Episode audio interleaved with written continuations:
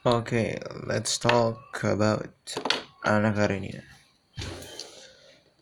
Saya baru kelarin kemarin, kemarin akhirnya selesaiin Anak Karenina. Sebuah novel yang panjang ya. 900-an kayaknya. Um, dari Leo Tolstoy. Bukunya tuh seperti kebanyakan novel ya, yang panjang ya. itu tentu saja bukan itu gak kayak nonton YouTube di mana tergantung YouTube-nya siapa sih tapi kayak intinya atau kayak buka Twitter gitu di mana setiap bagiannya adalah bagian yang sangat engaging dan addicting gitu dan adiktif uh, banyak bagian-bagian yang kan yang bagian-bagian yang ini ngomong apa nih? Gue kagak ngerti istilah-istilahnya mesti buka kamus ya kan? Jadi tapi ini bukan buku yang tough juga you know.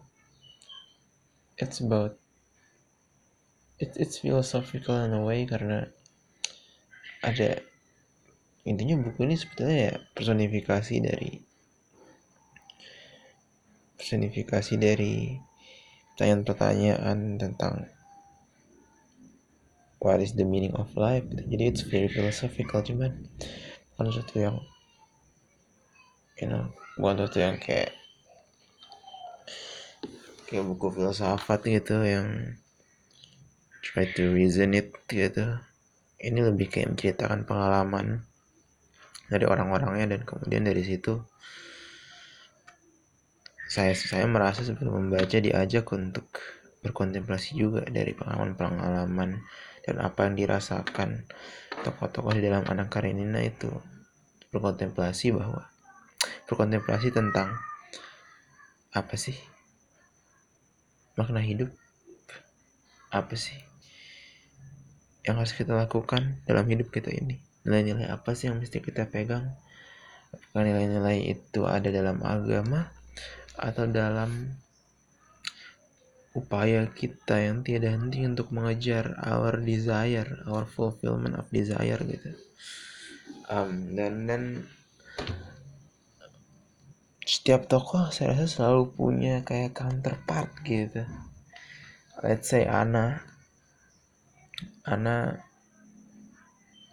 yang mencoba untuk mengejar her desire of true love dan kemudian kita dihadapkan sama tokoh semacam Dolly temannya Anna sendiri yang um, bisa dibilang tidak punya keberanian dan kekuatan untuk mengejar her true love. But tanyanya kemudian mana yang lebih virtuous? Saya pikir di zaman modern ya sekarang ya freedom yang seperti Ana di mana dia bebas mengejar apa yang dia mau dan kemudian lepas dari konstruksi-konstruksi sosial di masyarakat bahwa nah lo kagak boleh begini dong. Itu itu lo kagak boleh selingkuh kagak boleh um, kagak boleh uh, apalah pacaran lah kagak boleh seks di luar nikah segala macam itu tidak boleh dilakukan gitu.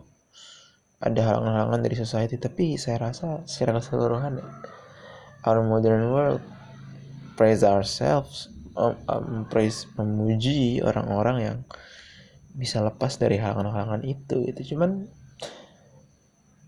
kita kembali ketika membaca anak Karenina saya kembali bertanya-tanya kayak apakah benar itu virtuous life adalah life yang isinya adalah untuk terus menerus melawan konvensi sosial. Apakah benar itu? Apakah seperti itu dan iya yeah, melalui kehidupan tokoh-tokohnya buat saya Tolstoy itu memberikan gambaran memberikan rangsangan untuk kita berkontemplasi mengenai pertanyaan besar tadi. dan buat saya anak Karenina tuh it's more than just a plot gitu atau apa it's it's life capture in a novel gitu kayak ada kehidupan dan struggle dalam kehidupan yang di capture dengan apa ya bukan dengan akurat sih dengan dengan dengan baik gitu yang dengan kontemplatif di dalam anak Karenina sehingga entah kenapa ya, kalau saya udah kelar baca kan terus setiap saya buka gitu tiap halaman atau kayak buka ngasal kayak wah ada ini ya ada ini ya kayak tiap halaman tuh terasanya relate sama kehidupan bukan relate dalam artian yang sangat specifically related tapi kayak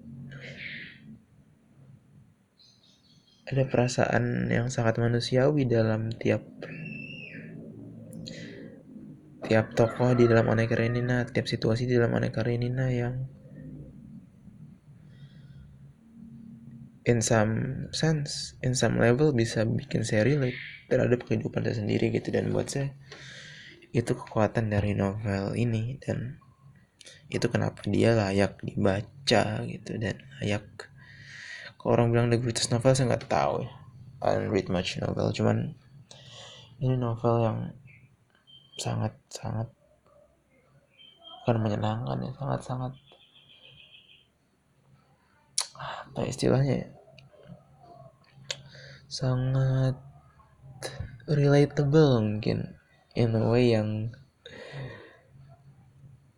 not specifically relate tapi kayak relate kepada nurani kita gitu. Mungkin bisa dibilang kayak gitu ya. Relate kepada nurani. Karena saya pikir deep down dalam diri setiap orang mereka selalu mempertanyakan hal itu sih. Apa sih gunanya saya hidup gitu?